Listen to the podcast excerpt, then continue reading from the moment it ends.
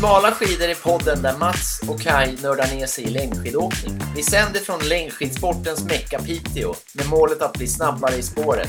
Och vi gör det genom att ta reda på allt som rör dyra skidor, starkt sporttryck och intervaller. Nu kör vi! Tjenare Mats! Hallå, hallå! Backing business. Du har Backing. ju... ehm, du har ju jobbat på. Jag är så nyfiken på vart det här ska ta vägen nu. Ja, alltså, eh, jag med. Ska, vi, ska vi ju, om? för, de, för de som lyssnar så eh, har ju Mats återigen eh, aspirerat på ett SVT Vinterstudion-uppdrag här. Ja, eh, du, det är stora ord, men vi får väl... Ja, ty, ty, lyssnarna får avgöra hur passnivån är. Eh, Men jag har ju Du fått... kan det- vara ödmjuk, jag kan håsa upp dig. Liksom. Ja, nej men eh, det, det är ju... Jag har ju intervjuat Britta och eh, jag tror det räcker att säga Britta så tror jag de flesta vet att eh, det, vi pratar om världens bästa långloppsåkare genom alla tider. Bara säga en sån sak och att ha fått prata med denna härliga människa får jag säga är ju stort. Riktigt stort. Spännande. Ja, och det kommer att bli ett ganska långt avsnitt. Det, det fanns mycket att prata om. Jaha, då får vi rappa på lite då. Eh, Men vad är viktigare än att lyssna på det då? Det är väl att kanske prata om våran träning eller? Har du Ja, tränat något? jag, vet, jag, jag, jag vet inte hur intresserade lyssnarna är, men, men det är ju våran podd så vi gör som vi vill. Eh, eller hur? ja, eh, nej, men jag håller, fortsätter att försöka komma igång och löpa och sen så har jag eh, faktiskt åkt skidor tre gånger här hemma och det är nog de tre sista. Så att tillsammans med dig, Valsbergslöparna som vi har pratat om i fredags och sen i lördags då avslutning med vår skidgrupp. Några av er kanske såg oss på Instagram.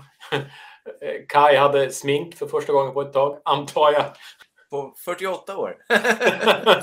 ja, precis. Ja, vi var, vi var Det tog, sjörövare. det, tog, det, tog, eh, det tog en halvtimme att få bort... eh, Min sambo är bortrest så att...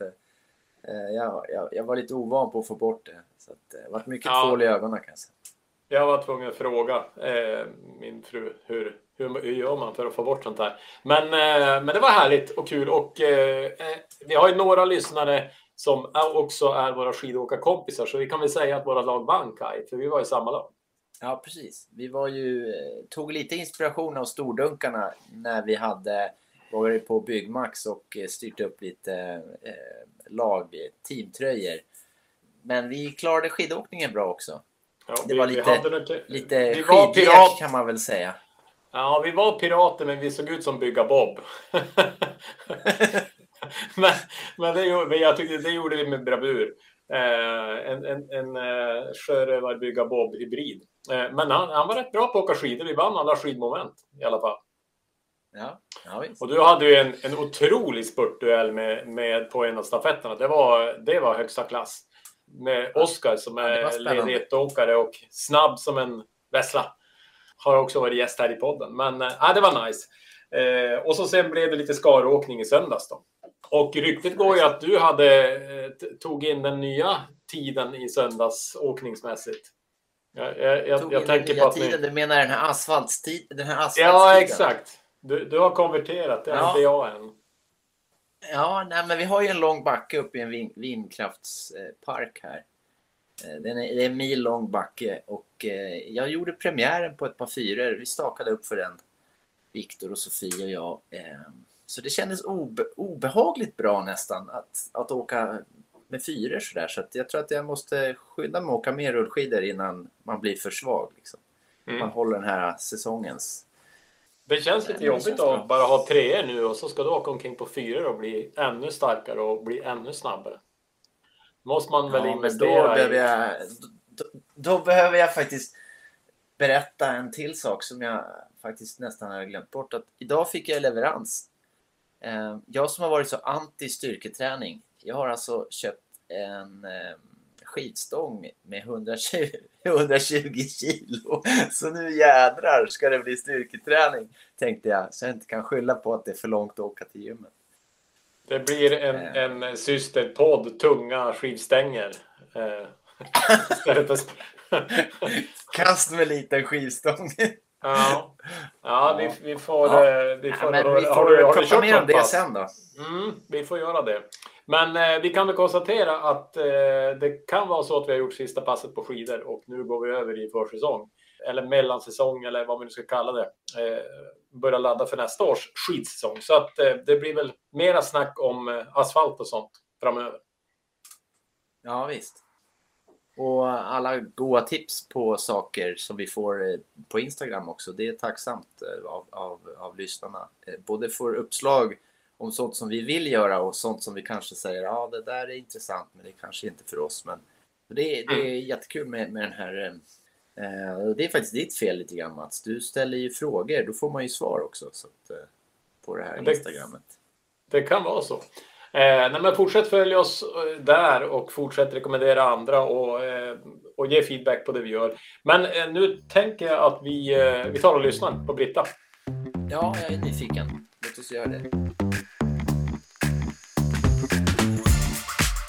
Då hälsar jag Britta välkommen till podden Smala skidor. Tack så mycket. Eh, jag skulle säga det också att jag, jag, vi har eh, fått, eh, vi gick ut på Instagram och frågade våra, våra lyssnare om de har några frågor så att jag kommer att skjuta in lite lyssnarfrågor under den här lilla pratstunden.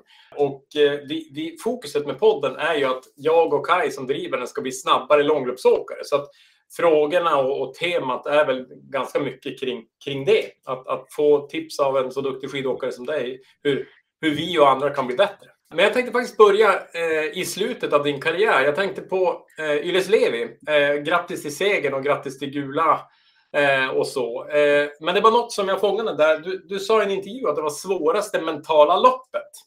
Eh, och jag var lite nyfiken på om du kunde utveckla lite grann kring, kring just det. Ja, men det var ett väldigt spännande lopp att få köra. Jag har varit eh, ganska tydlig med teamet att jag ville köra hela vägen in. Jag hade ju bestämt att det där skulle vara mitt sista lopp och jag hade ju berättat för dem ett tag innan med tanke på hur de ska lägga upp lag för framtiden. Då. Men jag sa att vi, jag vill så självklart att det ska vara ett sista lopp, det ska firas, men att jag ska känna att jag gjorde allt vad jag kunde hela vägen in. Mm. Och speciellt då när jag körde om den gula. Så då blev det som väldigt mycket fokus på att ja, men jag ville vinna loppet, jag ville göra liksom så bra jag bara kunde.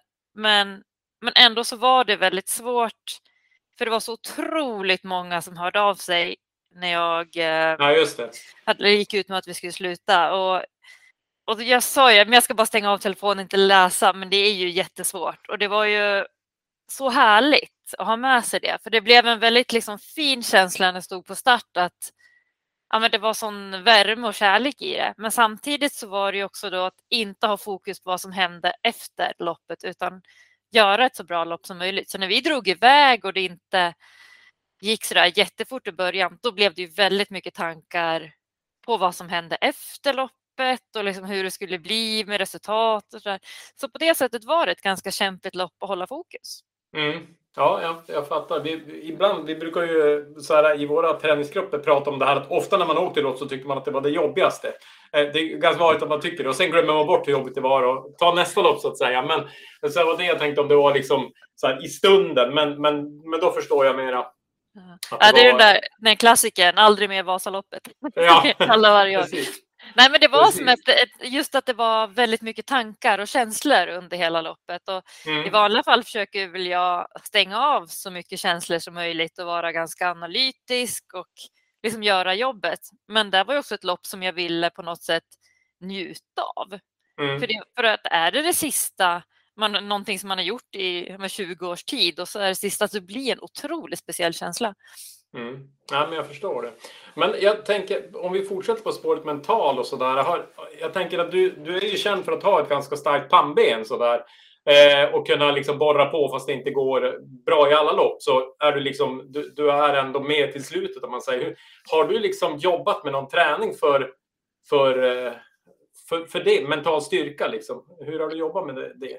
Ja, väldigt, väldigt mycket skulle jag säga. Jag har haft väldigt mycket hjälp av Stig Wiklund eh, Mm som liksom mental rådgivare. Och det började att jag eh, fick kontakt med honom på skidgymnasiet. Så det här är ju 20 år sedan då. På grund av att jag hade otrolig prestationsångest. och hade svårt att ta mig i mål på vissa tävlingar för kroppen bara, alltså det var efter två kilometer så kunde det bara ingenting funka. Och jag hade väldigt jobbigt med det där. Och, så vi jobbade under några år och sen så ja, hade vi väl liksom uppehåll ett tag, men jag kontaktade honom inför Sochi igen 2014. Och sen dess har vi jobbat väldigt, väldigt hårt och eh, det är väl därifrån vi egentligen började hitta, ja, men för mig väldigt bra säga, resultat på jobb, på det arbete vi la ner. Och det är väl ja, men så många nu på slutet ser mig som den där som ja, kanske kommer, jag kommer till starten och jag gör liksom jobbet. Och det, och det, är ju så det har blivit för mig, att det handlar om att vara, det är mitt jobb och jag ska oavsett hur det går alltid göra mitt bästa. Och det är så lätt att mm. säga, men, men det är ju också någonting som du behöver planera för och, och där tycker jag väl att jag har lyckats eh, få väldigt bra hjälp av Stig och utvecklas. Kan, kan, det var... du, ge några, kan du ge några exempel på, på övningar eller liksom, eh, om man säger tankesätt eller liksom sådär som något som du tycker är särskilt bra som du kanske vill skicka vidare eller sådär? Ja, men något som har varit väldigt bra för mig där, just i det är väl eh, att jobba mycket med tacksamhet. Mm. Eh, för jag hade jobb, ett tag jobbigt och det kommer lite grann med framgång så kommer det ju väldigt mycket press såklart. Eh, och jag tyckte att det var väldigt jobbigt att komma till start på vissa lopp, kanske till och med, eller framförallt Vasaloppet som är lite större. Och där att tänka var att jag var, men var tacksam för att jag faktiskt stod där. Det är många som är sjuka, det är skadade, jag stod på startliden. jag var frisk, jag var skadefri. Jag kanske inte hade gjort alla träningspass precis som jag ville, men jag hade ändå gjort en bra liksom, uppladdning och att vara tacksam för de grejerna, för det tog bort lite av min press. Att jag hade faktiskt hälften vunnit av att stå där. Mm. Så det hjälpte mig väldigt mycket. Men sen just den mentala biten så jobbade jag väldigt mycket med såklart mål då, men också med utvärdering.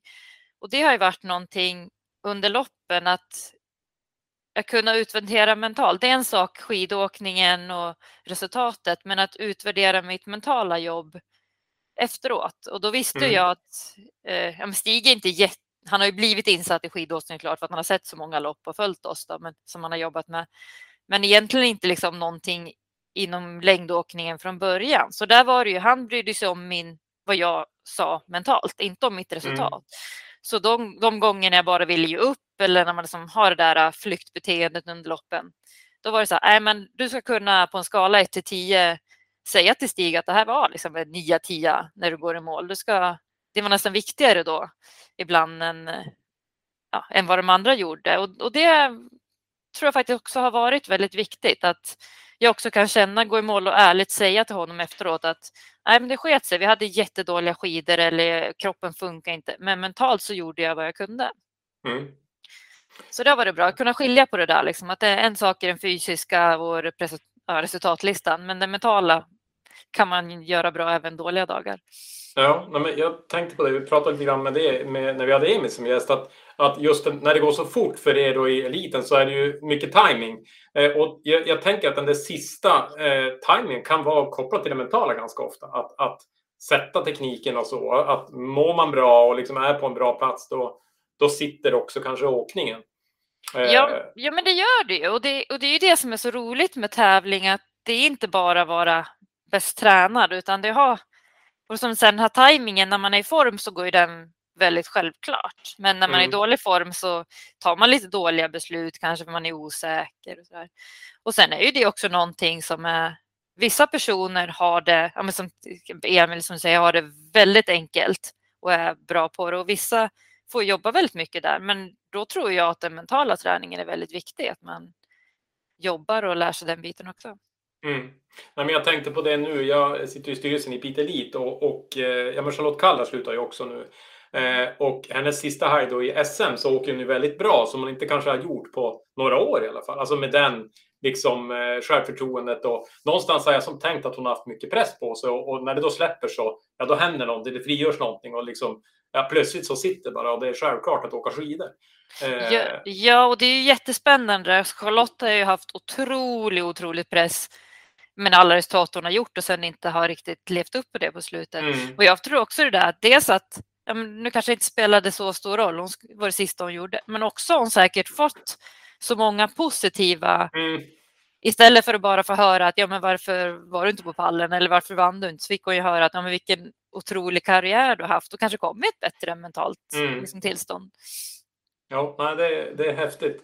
Jag, jag ska skjuta in en lyssnarfråga på tal om mentalt eh, från eh, Tibban. Eh, han frågar så här. Hur ofta har du stått på startlinjen och känt att du haft ett mentalt övertag mot konkurrenterna? Eh, och, och varför tror du att du har haft den känslan? Eh, nu vet jag, du, du får ju svara på om du har gjort det, men kan du känna ibland så här att du känner det liksom att du har ett övertag, du är stark, eller? Eh, ja, men eh, både och. Jag är väl en sån person som Nej, men många säger att ja, men eh, jag vinner imorgon. Så jag kan ju, har ju väldigt svårt innan att se att jag skulle vinna. Och ja, men kanske också tvivlar väldigt mycket på min kapacitet fram till, till starten går. Mm. Eh, och, och där har det varit så att jag vet, jag har ett självförtroende där jag vet att gör jag allting bra och liksom allting går som jag vill med skidor, så här, ja, men då har jag kapacitet att vinna. För det har jag ju Mm. gjort flera gånger, så det vet jag. Men jag har väldigt svårt att se varför jag skulle göra det innan. För jag tycker att de alla andra är så bra. Men just det här med Mm. mentala övertaget som frågan, där, där har jag kunnat känt det. Alltså ett tag när det har gått ganska bra och jag har tyckt att de andra låter mig bestämma loppet. Eh, under många år var det Mm. så.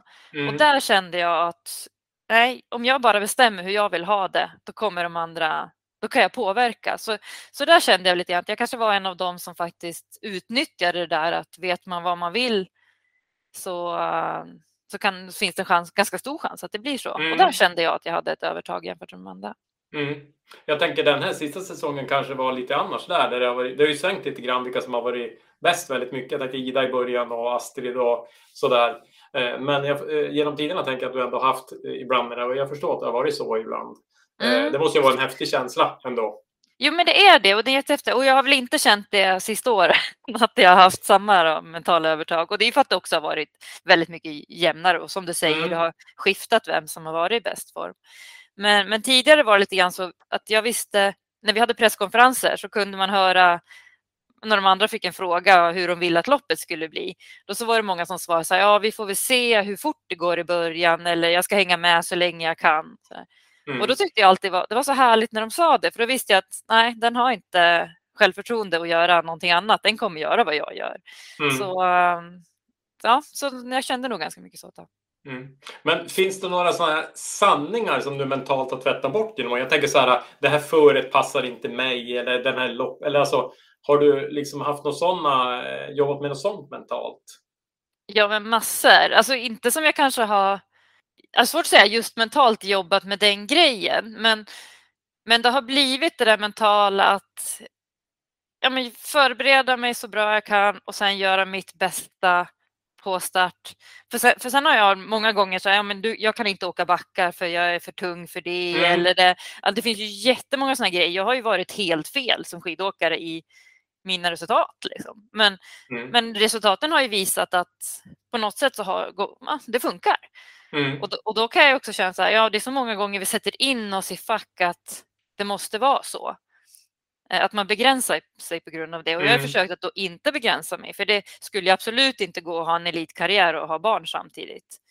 Eh, och vara frisk och sådär. Jag har ju varit mycket, mycket mer frisk under de tio åren under min karriär där jag haft barn än vad jag var Mm. tidigare.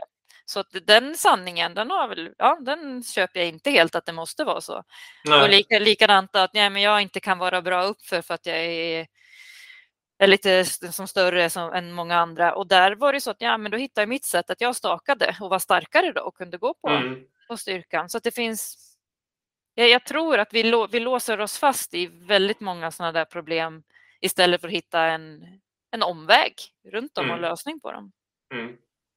Eh, jag har också en fråga från eh, en kille som heter Oskar. Eh, hur kan man bli mentalt förberedd för att ta sig genom igenom eventuella motgång, motgångar som kan uppstå under ett lopp? Alltså kan man förbereda sig för Ja, nu vet jag inte vad han syftar på, om det är stavbrott eller om det är bara så här svackor eller liksom finns det, finns det något där? Liksom?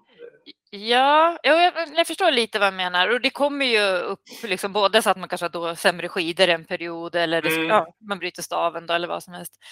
Men det jag jobbade som jag tyckte funkade där, det är att innan, det är inte någonting jag gör inför varje tävling utan det var ju som någonting jag gjorde en period och sen får jag väl med mig det lite grann för att man har jobbat med det. Men det var att ha värsta scenarion. Om jag tänker på en tävling och många gånger så var det de här säsongsöppningen eller Vasaloppet, de här stora grejerna som blev lite extra. Då hade jag liksom tuffare mentalt och då kunde jag skriva upp, ja men vad är det värsta som kan hända?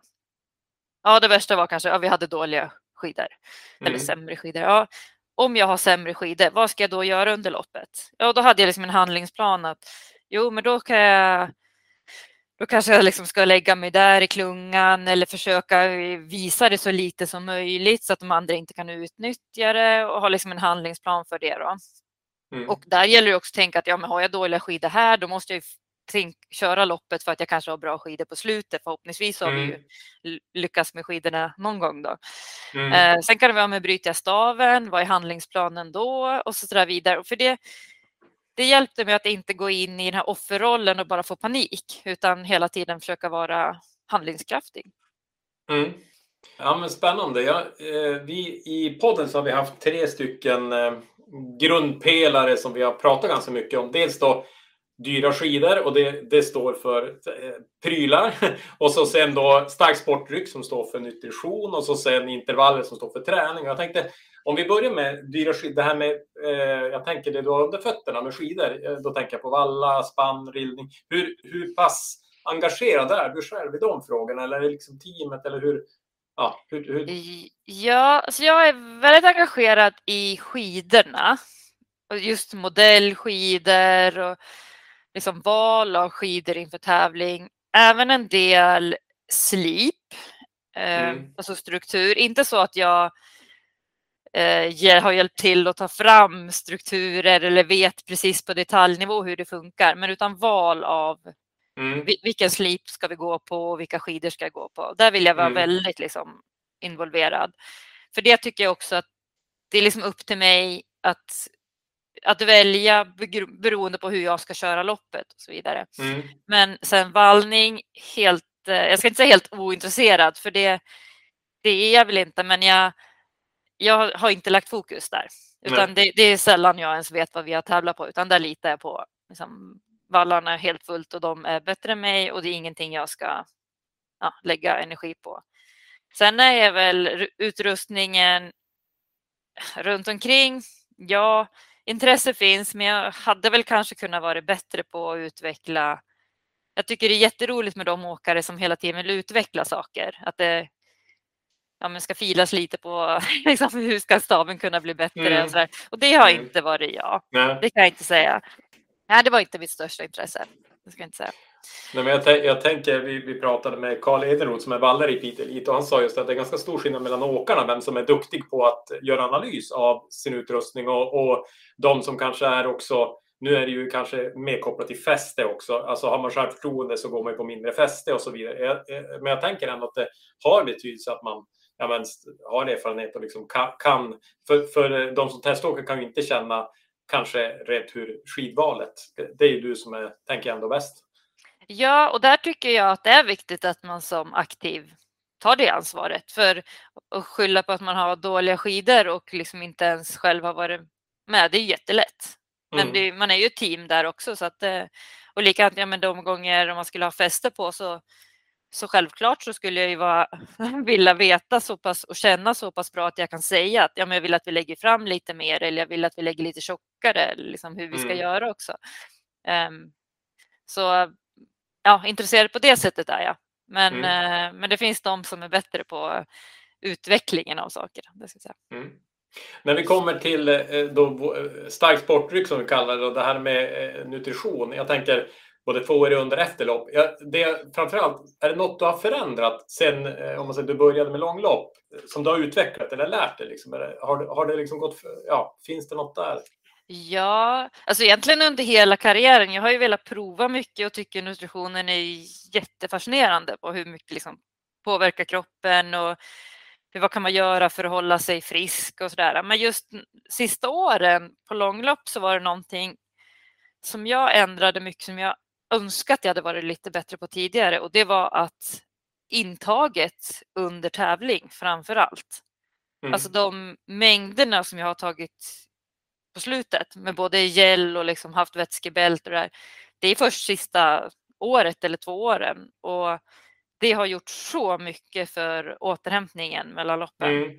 Mm. Eh, Och likadant har jag varit mycket bättre på att ta energi när jag ska köra hårda pass och, eller träning överhuvudtaget för att kunna träna mera. Och det har, det Mm. har jag varit dålig på tidigare och det ångrar jag lite grann att, eh, att jag var så. Jag körde Mm. oftast på vatten bara. Det behöver inte vara fel på det och det tycker jag också att man, ja, men ska man ut och träna två timmar så behöver man kanske inte ha sportdryck men ska du köra fyra, fem timmar det klarar jag på vatten, det är inget problem. Men jag blir väldigt sliten efteråt och har svårt att göra Mm. ett bra pass till dagen efter. Så det har jag ändrat väldigt mycket. Sen är det väl också lite grann, alltså efter tävling har alltid varit ganska noga. Det var ju som redan i liksom landslaget så med återhämtning. Men eh, innan det här på långloppen då med eh, uppladdningen, den har varit lite svår tycker jag. Att när det blir, ja man vill ju äta så mycket kolhydrater som möjligt och få i sig den energin, men det är lätt att det blir nästan lite mycket så man mår Mm lite dåligt och då tycker jag att du står inte på startlinjen med en bra känsla. Så, så där har jag väl ändrat lite grann och framför allt att flytta det, att kanske åt lite mer två dagar innan eh, och fram till liksom lunchen sista dagen innan tävling Mm. och sen där bara ha ett normalt intag Mm. eh, för att inte stå på startlinjen med sådär jättefull känsla i magen då, eller något problem med magen. Eh, och sen var det väl också lite grann att ja, men när man vill äta mer kolhydrater att då får, faktiskt måste nästan dra ner på det, liksom det andra. Att du kan inte ta, eller kan kan väl, men då välja bort att ta en fet sås samtidigt eller något sånt för att det inte ska bli för mycket energi och så mycket mat. Mm.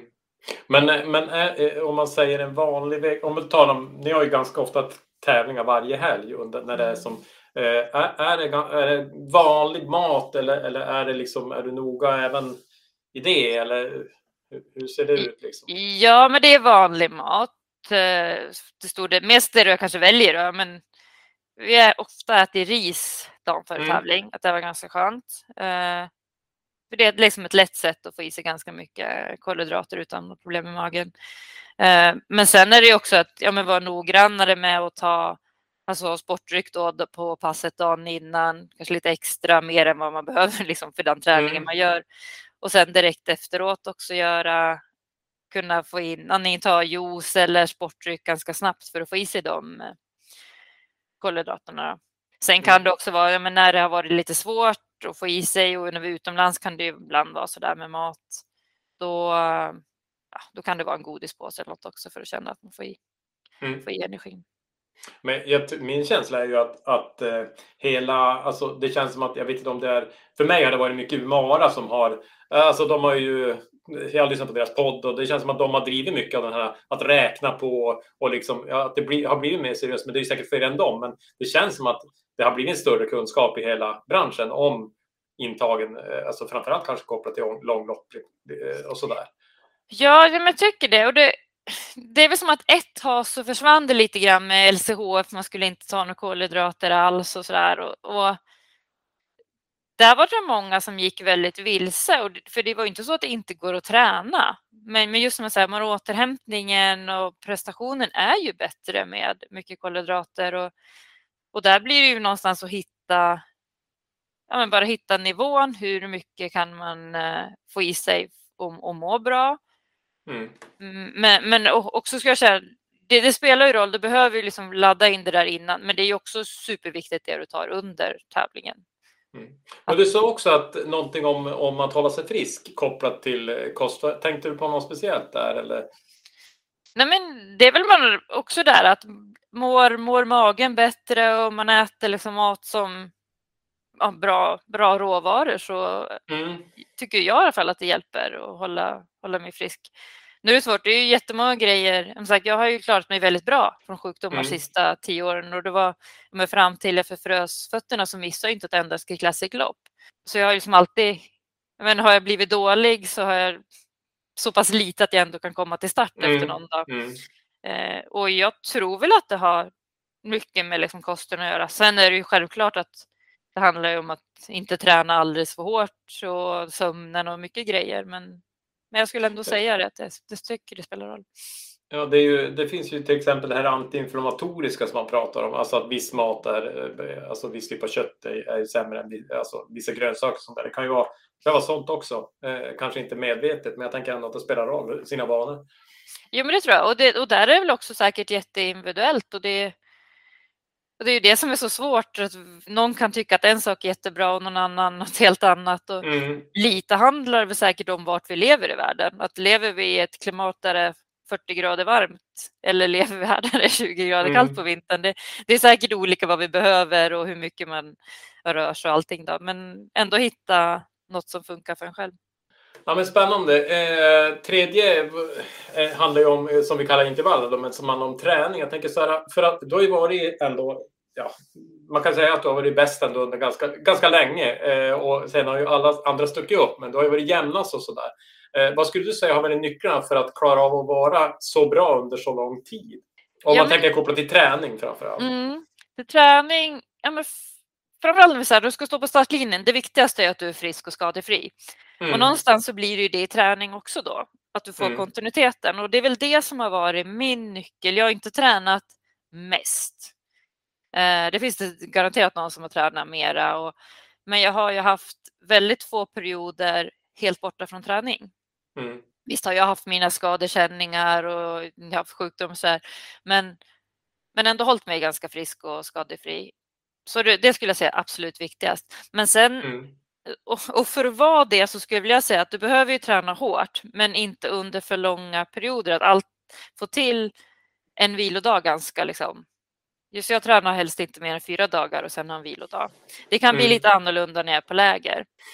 Eh, då kör vi liksom flera dagar. Och jag har ju kört väldigt, väldigt hårt på läger. Att jag har hängt med killarna och eh, ska man ta enligt ja, men läroboken liksom så är det ju, gör vi ju kanske helt fel att jag har kört väldigt, väldigt hårt på alla pass. Mm. Mm. Eh, jag är inte jättebra på att springa, så springer vi och jag springer med killarna. Det blir jättehårt för mig. Mm. och ja, men också vi kör fyra timmars pass. Det kanske inte är liksom bara A1 utan det är A2 och det är Mm. lite allt möjligt. Men det är ju en, den träning som jag också tycker väldigt, funkar väldigt bra för långlopp. Mm. Det är faktiskt det vi gör ute på tävling. Mm. Mm. Eh, Men då har det ju varit så att det kanske är jättehårt i fem dagar. Men då måste jag se till att jag återhämtar när jag kommer hem. Så jag, tror, jag tycker att man inte ska vara rädd i träning för att köra lite för hårt ibland. Det händer Nej. liksom det är ingen fara. Men bara man har återkommande återhämtningsperioder. Mm. Men hur... eh, Lite grann skulle jag säga att många hamnar mitt emellan. Man, vill, Mm. man vågar aldrig liksom verkligen träna stenhårt och bli riktigt sliten. Men man heller inte vågar vara återhämtad heller. Så att det blir en eh, lite så här mell- mellan där. Har du i tävlingssäsong några hårdare träningsperioder? Jag hörde nu Max Novak till exempel prata om att han tränar vä- väldigt hårt eh, på liksom mellan många lopp och sådär. Hur, hur ligger ni där eh, i, i mitt i säsong om man säger? Ja, Max hade väl var han, 38 timmar en vecka innan Ja. Vasaloppet och så, så mycket har inte jag riktigt vågat chansa. Eh, och det är väl också för att jag har gått för gula hela tiden och då Mm. då är det ju svårt när man har en gula och liksom leder den kuppen att göra de chansningarna. Men, eh, men det är väldigt intressant. Men självklart så lägga in eh, hårda träningsperioder och tar man januari-turnén när vi var nere i Europa så då är vi ändå på hög höjd och eh, ja, men vi tävlar. Sen har man oftast, eller jag har haft då ett, ett pass på två, tre timmar efter som återhämtning. Men sen har jag också fått in ett långpass på fem, sex timmar Mm. där. Och eh, sen ett intervallpass dagen efter innan man igen börjar fokusera på tävling. Och det, det, det låter inte som jättemycket träning men att du ändå får in de där långa, långa passen och något intervallpass. Då, eh, då behåller du träningen ganska bra. Mm. Och det gör ni då någonstans mitten i veckan? Ni återhämtar er någon dag och så kör ni på och så lättar ni upp igen? Men, alltså när det ligger varje vecka? Ja, man ju säga att tävlar vi lördag, då är söndagen en ganska lugn dag. Du ja, men vilar eller ut och gör någonting. Måndagen är också ett pass, där kanske du kör tre timmar. Det beror lite på hur hårda loppen blir också. Men är, är, Mm. lopp, är loppen på höjd så sliter med ganska mycket om du då liksom har fått kört hela vägen. Men, men sen då på tisdagen kan man lägga in fem Mm. timmar. Jag, Jag vet tänker, några av killarna vet jag ju går direkt på, på söndagen och kör fem timmar, men det har varit lite tufft för mig att göra. Mm. Men, men helt olika. Jag tänker i, i din karriär, om man tänker långloppskarriären, då, finns det förändringar du har gjort som du har sett så här att det där var en förändring som gjorde att jag blev snabbare? Alltså, finns det, kan du se liksom några tydliga, så här, här ändrar vi på, la på mer träningsmängd eller körde mer snabba eller långa? Har, har du några sådana liksom, att det har varit tydliga förändringar och skillnader? Eh, ja, men det tydligaste var väl egentligen när jag kom med i lag 157. Att eh, ja, men jag körde med killarna och, och, och som själva stakade allting i stort sett. Mm. Det blev ju en väldigt stor skillnad när man började staka. Då blev jag ju snabbt mycket bättre på att staka och framförallt Mm. upp, uppför då blir det ju störst Mm. skillnad. Men sen också att jag körde mycket med timma, eller mycket med killarna. Då blev det, det är så många timmar i en ganska obekväm fart och jag kände då när jag stod på startlinjen på vintern att ja, men det här är inte värre än vad jag gjort på träning. Vi har ju kört de här Vasapassen och vi har kört som fyra, fem timmar ganska hård stakning. Att jag var som, kände mig ganska förberedd. Och jag fick nog en annan hårdhet i kroppen måste jag, för att klara det. Mm. För tidigare var jag väldigt snabb och har ju levt mycket på min snabbhet men inte riktigt orkat. Mm. Och första åren ute i Ski Classic, då var det kanske så att ja, men jag var snabb och kunde liksom komma ifrån klungan och jag var, var en av dem också då, tillsammans med Lina och några fler som verkligen vågade staka. Så vi hade ju ett försprång upp för att vi faktiskt var vana att staka upp för. Mm. Men sen har det där liksom försvunnit att jag, och då har jag behövt utveckla att jag måste också orka hålla en ganska hög fart hela tiden. Att bli jämnare på där, så det, det hjälpte ju. Men de senaste åren så är väl inget så jättestort i träning som jag har ändrat. Eh, I år körde jag lite mer långa, ja men mycket mer tröskel, långa trösklar. Mm. Eh, och det tyckte jag väl att jag haft. Jag tycker Hur, att lång, jag har, hur lång är en lång tröskel för dig? eh, ja, men lite olika kan vara ja, men fyra gånger 5000 meter skier till exempel. Ja, det. Då är det Mm. ju men fyra gånger 19 minuter ungefär. Mm. Eh, Det eller om det är nio gånger 10 minuter. Jag har gjort några gånger sådana där och det har varit det, kan också ha varit några där så här sex gånger eh, fyra kilometer. Ja, men olika. Och det tycker jag kanske har haft bra effekt i år. Att jag har, jag har känt att jag liksom gått i mål och varit ganska pigg på loppen. Ja, det, det, jag, hade, det, jag hade en följdfråga som kopplar lite grann till det där. För, eh, vi hade en lyssnarfråga hur du, hur du mäter framsteg och progression i träningen. Eh, och, och om du har liksom testpass och så. Jag, jag, jag anar att ett sånt skierpass är ganska lätt att mäta i och med att det är samma förutsättningar. Eller har du andra sätt att mäta? Eller är, är det skier framför allt man får koll på hur man ligger? Ja, men skiegen får du en bra koll träning om du blir bättre, just på det i alla fall.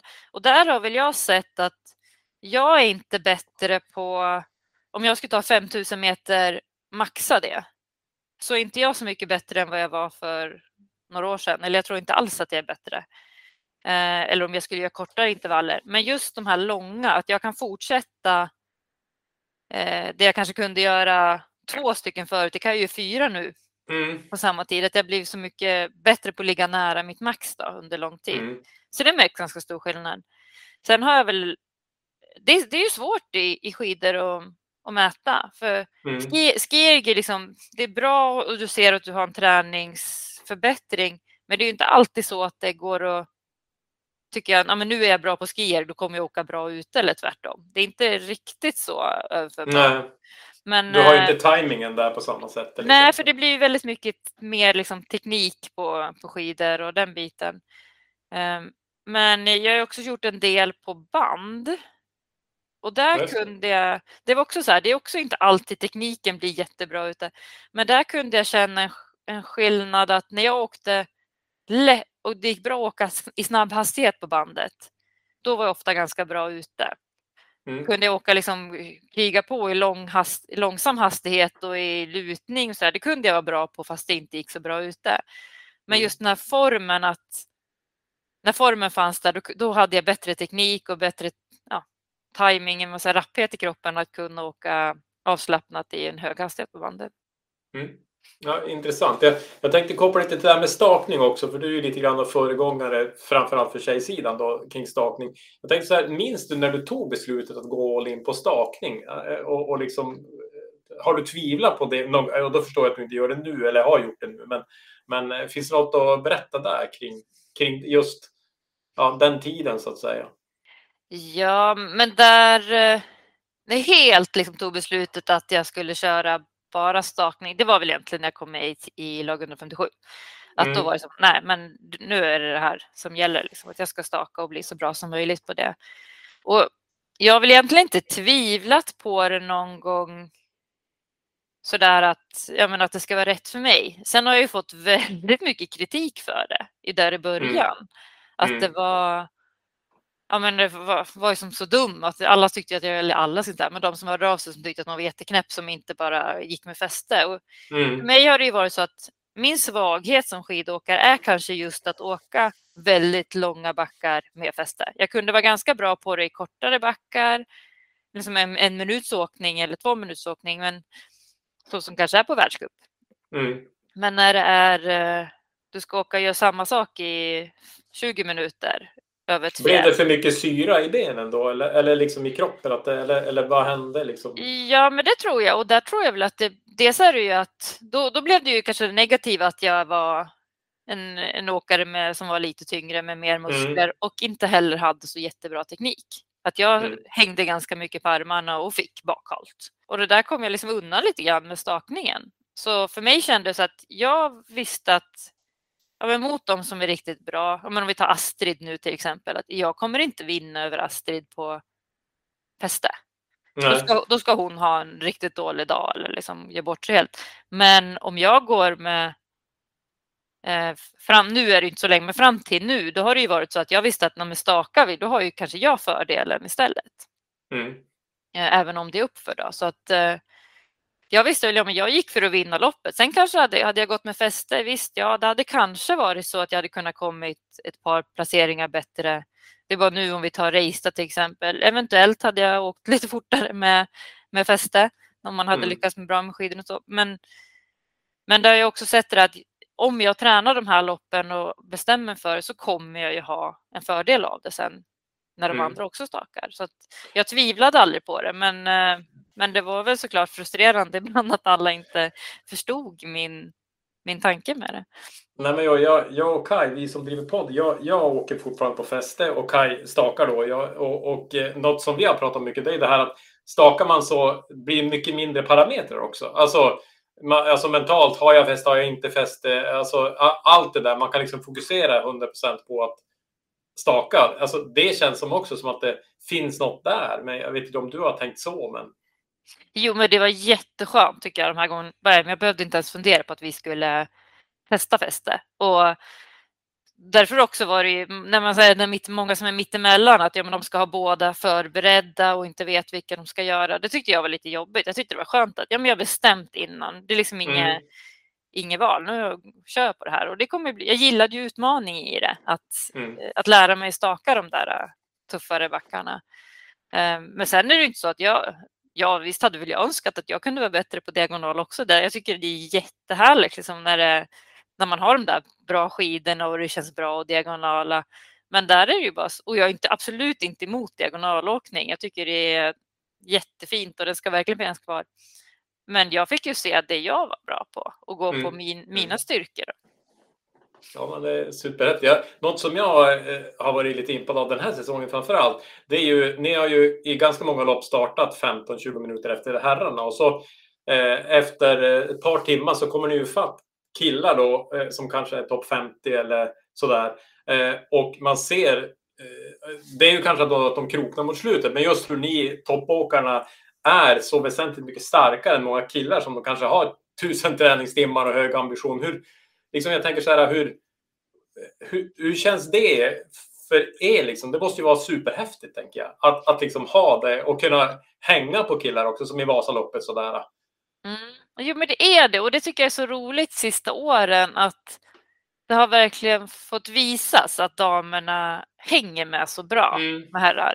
Att tidigare känns det som att många trott att ja, men det var ingen motstånd liksom, i damklassen och det var Eh, det var liksom bara att stå på startlinjen och så var det på pallen och liksom vi var så långt efter. Men det som ses, men Vasaloppet har ju varje år visat att ja, men vi hänger med väldigt, väldigt bra. Och det är ju liksom mm. alltid någon som är där, topp 100.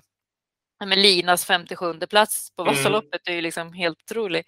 Mm. Så det, eh, ja men där var det väldigt, väldigt roligt. Och sen ser man ju, visst, vi, alltså vi har ju byggt upp en styrka under några att man faktiskt är liksom stark i överkroppen och på startningen. Mm. Men eh, det är ju kanske inte alltid liksom just i ren styrka utan ja, det, det, blir ju mycket teknik mm. eh, som, som, blir skillnaden och det är väl det man kan se att ja, men vi kanske orkar hålla tekniken längre in i loppet när många andra då blir trött och hänger väldigt mycket på armarna som är en väldigt liten muskelgrupp. Då. Mm. Nej, men jag, jag, tänker också om man jämför med andra sporter, kanske svårt, men jag tänker fotboll eller hockey. Eller, det, den här sporten känns ju som att tjejerna är mycket närmare killarna än i andra sporter. Eh, just även fast det här är en väldigt alltså, atletisk och muskulär sport. Och det är ju ändå häftigt att ni tjejer har drivit det så, så bra. Alltså... Mm. Jag har inte tänkt så, men eh, jag tycker alltid att det känns som att man är väldigt långt efter dem. eh, eftersom att jag, man har alltid, jag har alltid haft ja, men, tränat och vilja ja. vara, vara närmare hela tiden. Men det är väldigt roligt de gångerna ja, när man faktiskt kan ut, utmana dem på något sätt. Sen vet jag ju att ja, det märks ju så stor skillnad när det är uppför eller när det går väldigt, väldigt fort. Där är ju killarnas styrka och sen också mm. där, de, är ju, de har ju bättre syreupptag och så. Så det, där märks det så stor skillnad, vilket jag kan tycka är väldigt frustrerande. Men det är ju roligt de här gångerna eh, där man faktiskt kan hänga med bra, ja, men som man säger, bra åkare och dessutom när man har lite bättre skidor och kan åka med dem som är mm. egentligen mycket, mycket bättre än en själv. Det är ju superhäftigt. Ja, men jag tänker, men fotboll, där möter ju landslags, eh, alltså allsvenskan, de möter ju killar som är 16 år och då spelar jämt. Så att det känns ju ändå som att, att, eh, nu är det ju olika på sporter, men jag tycker det är jätteintressant i alla fall att det är så pass Eh, alltså att det har gått så pass nära. Att, att det liksom, och, och jag tycker också det är bra i långlopp att ni åker samma längd och, jämfört med då traditionell alltså världscupen när tjejerna åker kortare lopp och sånt där. Det tycker jag känns gam, gammeldags faktiskt. Ja, men det gör det ju. För som att du går, vi klarar det ju. Så att det, ja, jag tycker också det. Det är jätteroligt. Och det är ju det som är härliga med långlopp. Att det är både tjejer och killar och motionär och elit på samma plats. Det, mm. Det blir en väldigt härlig atmosfär i det. Bra, jag tänkte vi ska ta, avsluta med lite frågor från lyssnare och eh, jag, jag ställde frågan så här på vår Instagram. Vilka frågor vill ni ställa till världen, världens genom tiderna bästa långloppsåkare? Jag skrev inte att det var Britta, men jag tror att de flesta hakade på att det var Britta i alla fall. Jag tycker bara det är ju riktigt häftigt. Ja. Eh, men vi har haft eh, i alla fall ett gäng killar som heter Team Stordunk som som har, vi har haft dem som gäst i podden och då, de skrev så här, de skrev så här, vadå, lever Gustav Vasa? Fråga hur han slaktade danskarna. Mm. Så att det finns ju de som säger Vasa kanske, men nej, skämt åsido. Eh, jag tänkte på, eh, jag har en fråga om ålder, annorlunda tänk i träning, tävling med tanke på ålder. Har du fått förändra någonting där? Mm. Ja, den är lite spännande. Jag har funderat på det sista åren lite grann sådär, även om vad som jag skulle behöva göra ändringar i träning på grund av ålder. Och jag skulle väl inte säga att just åldern är att jag känner någon skillnad på det. Det kan jag inte göra, att liksom någonting skulle vara väldigt annorlunda. Däremot så är ju livet annorlunda. Mm. Eh, mm. och där blir ju en annan grej träningen. Eh, det har vi som sänkt nu senaste åren så märker ju de flesta, i alla fall i teamet då, med många som åker långlopp, är ju ändå en del år yngre än vad jag är och de, deras liv är ju, men de kan träna. De kan göra mm. sådana här 35 timmars vecka då, för det finns mm. ingenting annat. Det är träna, sova. Eh, och så blir det väl inte riktigt när man har barn. Och liksom, det är också du bor i en lägenhet, spelar ingen roll, jag kan åka iväg två veckor någon annanstans, jag har liksom ingen att anpassa mig. Mm. Eh, den grejen märker jag och där, där tror jag man måste också anpassa träningen efter resten av livet. Mm. Och så har väl jag fått gjort att, ja men nu är dottern är tio år så det är liksom lättare, men för några år sedan så var det ju verkligen så i träningen. Ja men hade hon sin träning på eftermiddagen, ja men då tränade jag en timme under tiden hon var där för att få pusslet. Mm. liksom bara. Så, så jag mer säger att jag anpassar träningen efter hur livet har sett ut, Mm. mer, mer än kanske just åldern. Mm. Eh, jag, har en fråga om videoanalys också. Eh, kan du berätta lite grann hur ni har jobbat med det? Och, och också, eh, har du haft lätt för att justera teknik efter att titta på filmer exempelvis? Mm. Ja, men vi jobbar mycket, på läger filmar vi egentligen de, någonting de flesta passen och sen eh, är det upp till en själv att liksom titta efteråt och se om man vill jobba. Eh, många gånger dagen innan tävling har jag också filmat lite grann. Tyckte att jag men bara ville liksom checka hur det ser ut och om det är som jag tror. Någon gång till och med då, liksom på innan start har det hänt Ja, det. Jag gjort det. Ja, när jag inte känt att det liksom har funkat. Men, eh, ja, men om jag är lätt att anpassa? Jag, jag skulle säga jag är väldigt lätt att anpassa när jag ser någonting. Kan jag direkt säga, ja men eh, okej, nu, just det, nu måste jag tänka på det där med armarna eller någonting. Men jag är Mm. också dock väldigt lätt för att komma ur teknik. Det Mm. var väl ja, men som Lars Ljung sa någon gång att ja, men du är liksom fascinerande, du är en av dem som kan ha som, som han hade liksom jobbat med som har störst spridning på te- sin teknik. Ibland så kan du åka riktigt, riktigt bra och ibland så åker du liksom, ja, men man inte ens tänker att jag ska vara en elitåkare. Och det har väl varit liksom en fördel och nackdel att jag då också kan ändra ganska snabbt genom Mm. att titta. Men jag kan ha svårt när jag är ute och åker själv att komma på vad jag ska ändra. Mm. Men, men när jag ser det på film så är det så här, ja ah, just det, det är ju det där jag måste tänka på. Mm. Eh, Vad skulle du säga, vad, är svåraste tekniska utmaningen? Eh, Alltså vad har det varit för dig om man säger sista fem åren? Alltså, vad har du fått jobba mest med tekniskt sett? Mm. Ja, men det, mycket ska vi säga, det är sånt där som man har gjort någonting så otroligt många timmar att det ligger kvar, att man kommer i Mm. de här gamla mönstren hela tiden. Men någonstans är det alltid en timing att få timing, få det flyta på lätt. Jag Mm. hamnar ofta i att eh, liksom ta i ganska mycket, det blir ganska mycket drag med armarna och då orkar man inte hela loppen. Och det jag då kan känna så här, det känns ganska bra och det går ganska bra till en viss hastighet. Men när man är på tävling och det går riktigt, riktigt fort så kan jag då inte åka fortare. Nej, utan jag slösar ganska mycket energi utan att det går liksom i maxhastighet. Så det är väl det jag fått jobba med, att man har den här eh, men det blir timingen i åkningen och lätthet och egentligen inte hamnar i så mycket drag. Mm. Utan att det blir att man håller emot kroppstyngd, använder liksom kroppen rätt på det sättet. Att det egentligen bara håller emot kroppstyngden och tar i så lite som möjligt. Jag, jag tänker också, du har ju hållit på länge så jag, jag tänker att du är genomtränad och väldigt stark. Så att du har ju också kanske större tolerans för att, att inte ha bra teknik och ändå orka åka med sämre teknik jämfört med kanske någon som är ung och tappar tekniken. Att du liksom klarar av partier av sämre teknik. Det är bara min egen amatörgissning. Men... Mm, jo, men det tror jag nog att det så kan vara. Att, eh, att på något sätt så är man som en, den där hårdheten i kroppen att ja, men ryggen klarar av det fast man är dåligt och det blir liksom muskulärt bara mer än Mm. eh, andra problem. Men det går ju sällan eh, som fortast och det är då sällan man vinner tävlingarna när det inte riktigt stämmer.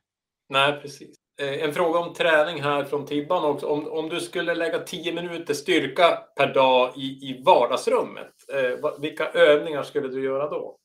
Jo, väldigt, eh, väldigt bra idé tänkte jag. Och, ja, men my- my- jag jobbar ju mycket med liksom stabilitet och där har jag sett att många gånger tycker jag man jobbar med rör, man vill bli rörligare och stretchar eller jobba rörlighet. Men när jag jobbade med att bli stabilare så kom liksom rörligheten på, på köpet. Så Mm. jag skulle nog se lite grann vart har man eh, sin svag, svaghet och så skulle jag Mm. försöka jobba upp, inte bara jobba på rörlighet där utan också då liksom bli stabil. Så jag skulle göra övningar som var lite anpassade så. Men självklart så är det ju en hel del, de flesta behöver, är ju bålen liksom bra Mm. att göra. Mm. Eh, så då kan det ju vara ja, någon form av planka som är liksom anpassad på det sättet. Eh, också ofta en svaghet runt höften på många. Mm.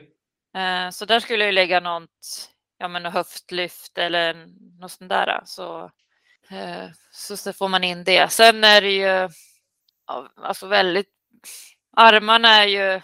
Triceps är faktiskt en bra grej att träna också, för många får ju problem med armbågar. Mm. Och där kan det vara så att om man kör, tränar triceps lite grann, som den se, så för då tränar ju den senan också, att det kommer göra att man får mindre ont i armbågarna. Mm. Ehm, Det är typ det- dips då, eller någon typ sån. Ja, precis. Det kan ju vara Ja. dips. Du kan ju bara ha, ja, man har så här mot en stol eller Mm. något sånt. Men eh, för dips kan ju vara tufft för axlarna om man inte har rörlighet för också, men att man så inte man får ont på det sättet. Men annars är det faktiskt Mm. en bra, eh, ja, bra med, med att få in någon tricepsövning. Mm. Eh, det är någon som frågar, jag kan inte uttala, C. Kleips heter han, eh, eller hon. Eh, tips att ta sig igenom volymökningar av träningstimmar. Eh, men det, det är inte säkert att du har svar på det, men, men eh, Nå, då, då skulle jag säga, ska du klara träna mera volym, då skulle jag också se lite på energiintaget där. mm, Eh, ligger du på energiminus samtidigt kommer du bli väldigt sliten. mm, Så eh, ja, men lägga sig på energibalans eller plus där då och eh, ha energi under passen. Det underlättar ju. Mm, sen blir det också, är det, ska du liksom lägga in en volymökning i träning, ja men då kanske du man får se till vad som är runt omkring i livet samtidigt. Mm. Att det kanske inte man ska göra det samtidigt som det är skolan börjar eller ny, nytt på jobb och när det är som mest sjukdomar som går och ny stress och sådär. Men, eh, mm, men annars skulle jag säga nutritionen är nog det. Och farten då såklart. För att klara volym att vara noggrann med att det, hålla ner farten på de passen också. mm. Samma person frågar kring motivation också. Eh, hur, hur, hur du motiverar dig att ändå hålla på och träna så pass mycket. Alltså vad har du för motivationsfaktorer? Vad, vad är din motivation starkast? Mm. Ja, men motivation är ju som lite så här speciellt för det är någonting för, men jag är inte motiverad eller jag... Och där ska jag säga motivation är ju någonting som inte det är inte statiskt att det liksom finns där eller inte, utan det kan ju vara så att om man börjar så kommer motivationen Mm, också. Och där är det väl så här, ja, men jag är absolut inte alltid motiverad. Jag tycker inte att det är jätteroligt att träna. Det är inte, jag är nog, jag tycker det är kul att tävla och bli bättre Mm. och sådär, men jag är inte den som älskat att träna. Eh, så där är väl mer att säga att ja, men det är jobb. Att jag ser det som Mm. ett jobb de gånger. mm, Mm, och att veta att bara börjar så kommer jag bli mer motiverad för då är det roligare att fortsätta. Så att det är väl det där kom, jag skulle nog säga så att ja, men inte, inte vänta på att bli mot- motiverad utan börja och skapa motivationen på det sättet.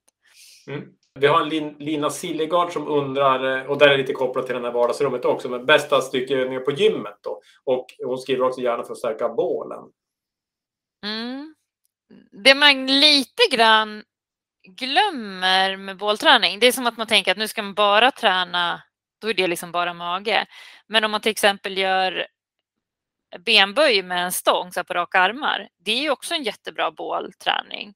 Och det ser man ju att ja, men styrkelyftare, de är ju jättestarka i bålen. Så att Mm. man kan få in bålträning på det sättet. Annars skulle jag också säga att orienterare ju, har man ju också sett är väldigt, väldigt starka i bålen. Så att egentligen ut och springa i obanad terräng är också en bålstyrka. Alltså man ser, eh, det handlar inte bara om att göra sit-ups eller plankan eller så.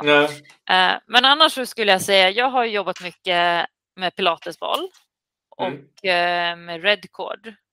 Och det är väl lite liknande till om man har TRX då. Det tycker jag har varit en, ja, de övningarna, då får du med hela, hela kroppen. För ofta så är det ju det att även om du är liksom stark i bålen, du ska också kunna koppla det samtidigt till sätet och att, till arm, att allting liksom hänger ihop. Så att, eh, Mm. ja, jag skulle säga att gö- göra övningar på, på boll eller eh, ja, i TRX i, eller Mm. redcord. Vä- Så väga in balans helt enkelt i, i att det, det är en viktig del av bålträningen. Mm. För det, jag ser ute när man ska vara stark så är det inte bara vara stark i musklerna utan det ska ju liksom bara kopplas på, på rätt, ja, ja, Mm. på en gång då. Så att, Eh. det- ja, det ska jag säga. Andreas Håkansson frågar också kopplat till, till favoritövning för att träna balans i stakning. Jag vet inte om det är samma svar eller om det finns något annat svar där. Ehm, Balansstakning. balans i stakning.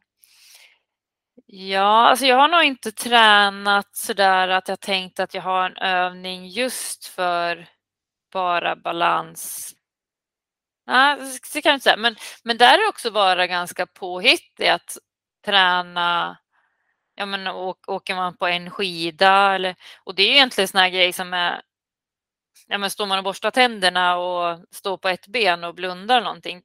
Det är ju mm. faktiskt jättebra balansträning och det kommer ju, mm. blir man bra på det så kommer kroppen vara snabb på de där mm. korrigeringarna även ute i skidspåret. Så det skulle jag säga, försök att få in det på det sättet. Vad kul att du säger det. Jag har faktiskt uh, hållit på mycket med, med just den typen av övningar när jag borstar tänderna. Mm. Det, Ja, men ändå tror det är eh. jättelätt att få in det lite grann av varje dag och det kommer ju ha jättestor effekt i, i, slut, i slutändan. Mm. Vi har någon som heter Official Mange som frågar viktigaste passet för oss motionärer. Det är ju en svår fråga. Eh, Beror ja, på det, vem man är då. Men... Ja, precis. Det som blir av skulle jag säga. Ja, exakt.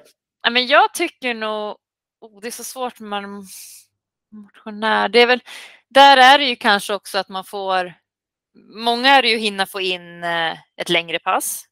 Mm. Eh, man kanske få in det där på helgen när, som är ett, ett långpass. Då. Eh, det kan ju vara jätteviktigt för någon, men många har ju kanske tid till det och gillar det och då är det väl istället kunna Ja, då blir det åt andra hållet, köra lite hårdare intervaller. Liksom. Men mm. annars skulle jag säga att har man någon som är lite bättre än en själv, ja, men då behöver man inte vara rädd för att köra lite hårdare pass den gången och passa på att hänga med att man anpassar träningen. Att det, det är så lätt att söka det optimala passet, men jag tror ju att det är det där som ändras som är bra för kroppen, att det blir en ny mm. belastning. Mm.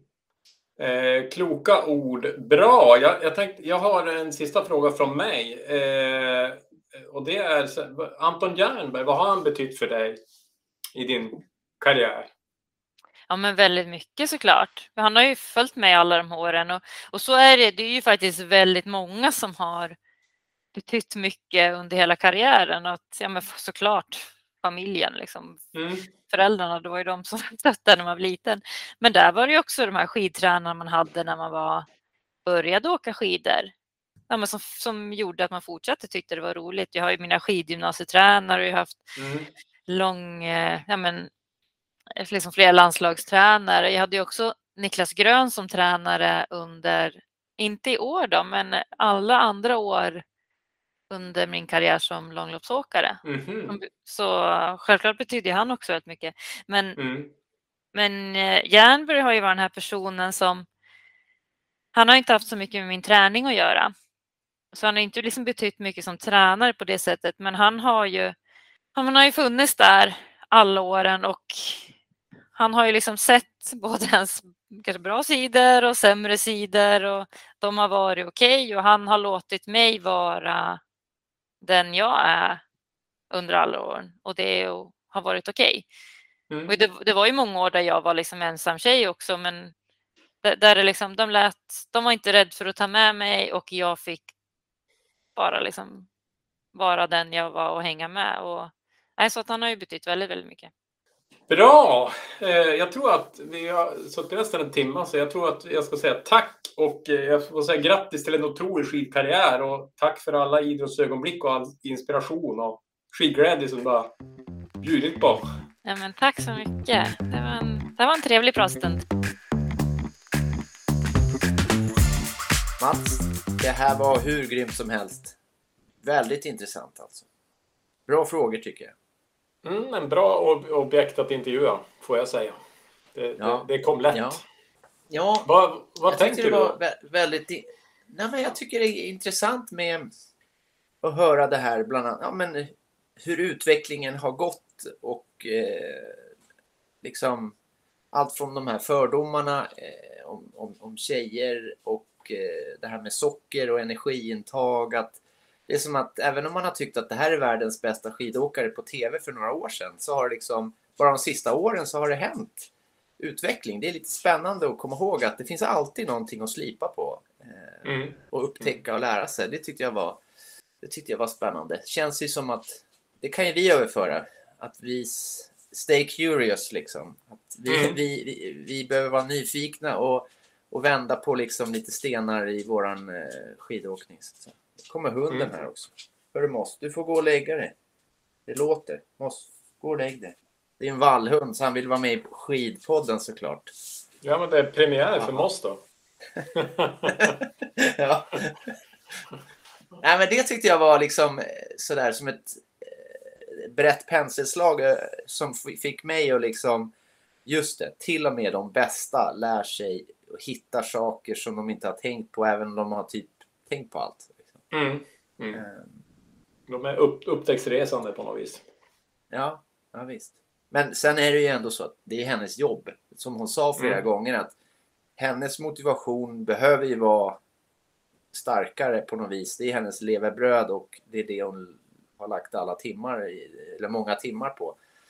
Medan du och jag, vi lägger några få timmar av vårt liv men vi leker ändå som om vi skulle vara elit. Fast Mm. bara typ för att vi har en cool dräkt. Eh, eh, så, så, så man får väl liksom översätta det till, till sig själv. Eh, men jag tyckte det var väldigt där- intressant och in, inspirerande framförallt. Ja, men där, du sa ju något nu. Det här med motivation tycker jag var ett väldigt intressant svar. Att hon sa ju att hon inte alltså, var alltid så motiverad, men att börjar man så blir man motiverad. Och det tror jag man kan lära sig mycket av själv också. Ibland är man ju inte så sugen, men det handlar mycket om att ta det där steget. Då, ja, då blir det kul och då vill man med. Ja, det, jag, jag faktiskt, det, nu, nu när du säger det sådär så jag tjuvlyssnade ju på det här igår, igår natt. ehm, och ehm, idag så skulle jag ut och springa men jag, hade ju, jag har ju så mycket motstånd mot det i och med att jag har inte vanan inne än. Eh, Mm. sådär. Men då, då, då kom Brittas ord så här. Ja, men bara sätt igång så ordnar det sig. Och sant var det liksom. Efter en kilometer så eh, ja, hade jag fått upp farten. Så att, ja, det finns något i det där. Bara gör det Mm. liksom. Ja, men eh, sen eh, nå- något jag tänkte på så här, när jag hade lagt på luren, eller på att säga, men det gör man inte nu för tiden. Men, men det var ju att, eh, och det, det, så kanske det är med alla, men jag tänkte ändå så här, vilket proffs hon är Britta. Alltså, man, alla är ju proffs, och, eh, mer eller mindre då, en del kanske jobbar lite grann. Men, men, men just det här att nästan vilken en fråga jag ställer så har hon ett uttömmande vettigt svar. Det är liksom inte, ah, vänta nu här, utan det är liksom mental träning, men det har jag jobbat med. Eh, så här, ah, det här, jo men det är så, alltså, det, hon har en väldigt tydlig bild av, av vad hon håller på med. Det är liksom inget, inget hittepå. Det tycker jag, ja det kanske är som det ska vara, men jag blev ändå imponerad. Det var tydligt att hon hade funderat på de sakerna som du frågade efter. Ja, ja men precis. Innan, innan din intervju. Det var inte första gången hon ställde sig de frågorna. Sen så kanske det var första gången hon fick en så bra intervjuare. Eh, Men det är ju en annan sak. Ja, men det, jag, jag tänker, vi pratade om det här du och jag någon gång tidigare, att det är mycket så här hur de mår och hur är formen och vad ska hon göra sen och, och alltså, det, jag tänker att den här typen av intervju, den skulle inte Vinterstudion göra, för de är inte ute efter att utbilda skidåkare som vi är, det vill säga oss själva Nej. framför allt. Nej, Eh, så, Ja. så det kanske inte är varje dag hon svarar på de där frågorna. Förutom till sig själv. Kanske. Men eh, tar du med dig något då nu när du har eh, liksom punkit in eh, det har gått någon dag sedan du gjorde den intervjun. Är Alltså, det jag något måste du har fått med dig till din skidåkning? Det, ja, även fast jag då gjorde den här intervjun i söndags och nu är vi, ja det var ju igår det, så, så minns jag kanske inte allt sådär. Men, men, men det jag har tänkt är att det var ganska mycket som jag ändå tyckte att det där kan jag ta med mig. Eh, motivationen var ju en sak, men, men eh, också det här om, om att våga köra hårda pass. Jag kan ha varit lite restriktiv där kanske ibland. Alltså inte för att jag inte, så att säga, att jag är rädd för att vara sliten, men bara för att jag inte riktigt ha, ha, jag vet inte varför, men jag tänker så att det, det, det har vi ju pratat om tidigare också, men det ska jag verkligen försöka. Ja, men till exempel, nu hade jag inte tid igår när jag var ute och åkte rullskidor, men, men att haka på bättre åkare och bara låta det bli jobbigt, även om det är ett A1-pass för andra eller så där, men att eh, eh, utsätta sig för prövningar i större utsträckning på något sätt. Det tror jag att jag tar med mig, för det har ju Britta verkligen gjort. Alltså varit ett team med bara killar och liksom bara kört. Så det, det tycker jag är skithäftigt. Ja, jag, jag har gjort det där och då har jag alltid varit så besviken efteråt. Nej, men nu gick det för fort än vad det borde ha gjort. Men alltså med den här eh, liksom, inputen så blir det så här, ja men nu gick det fortare än planerat men det gör mig hårdare så att jag kan liksom Mm. tolka det till sin fördel snarare än till att, att vara grinig över det. Ja, men det, är bra. det, det tror jag också är, är bra. Och, och också jag är ju, jag hoppas att jag ska klara av att öka eh, alltså, träningstimmar. Eh, och där eh, var ju Britta liksom, det kändes inte som att hon tyckte det var någon större fara, men att man, man ser till att få energi och återhämtning då, i, i motsvarande grad.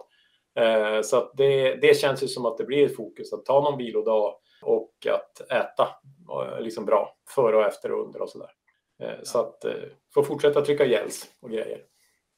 Och nu på sommaren så kan man ju verkligen variera allt från stavgång, löpning, simning, mountainbike, landsvägscykel, Mm. eh, rullskidor. ehm.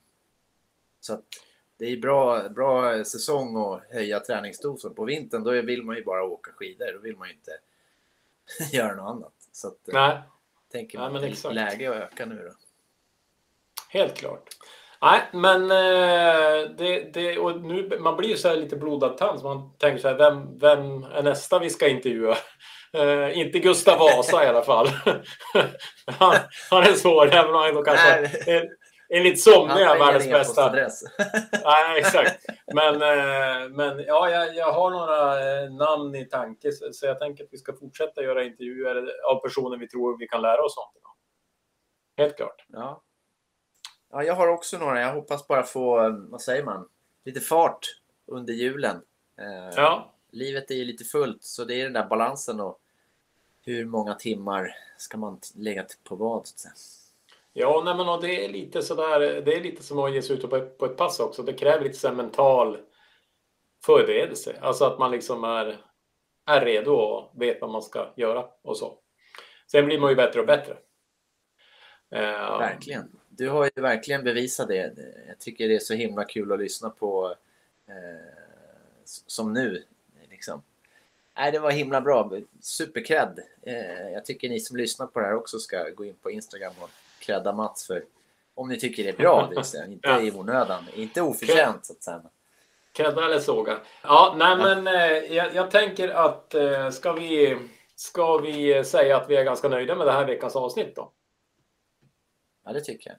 Och, och eh, det känns som att vi har sagt det nu tre gånger, men, men eh, det är jätteroligt med feedback och speciellt på avsnittet om, det, om ni har fångat något som kanske inte vi har lyft här, eh, att det där var bra. För det, det har vi hört både när vi har pratat om flår eller allt möjligt så är det alltid någon som lyfter någon detalj. Så det är roligt att höra vad, vad ni gillar. Så att feedbacka. Det, det, var ju, det var ju någon som eh, gav feedback på förra avsnittet där när vi eh, när jag pratade om eh, Kungsledsrännet och Mm. din fråga där. Jag tyckte det var en klockren kommentar för eh, vi, pratade ju om den eh, kommentaren efteråt också. Ja, det var innan roligt. kommentaren kom. Eh, Ja, efter Ja, vi hade spelat in, men innan kommentaren kom på Instagram. Ah, roll. nu, nu vart det tjorvigt. Det är bäst vi lägger ner för idag tror jag. Ja, nu lägger vi ner. Vi, vi, vi ska hitta på något eget, men tills vidare säger vi tack och bock. Ja, hej då. Hej då.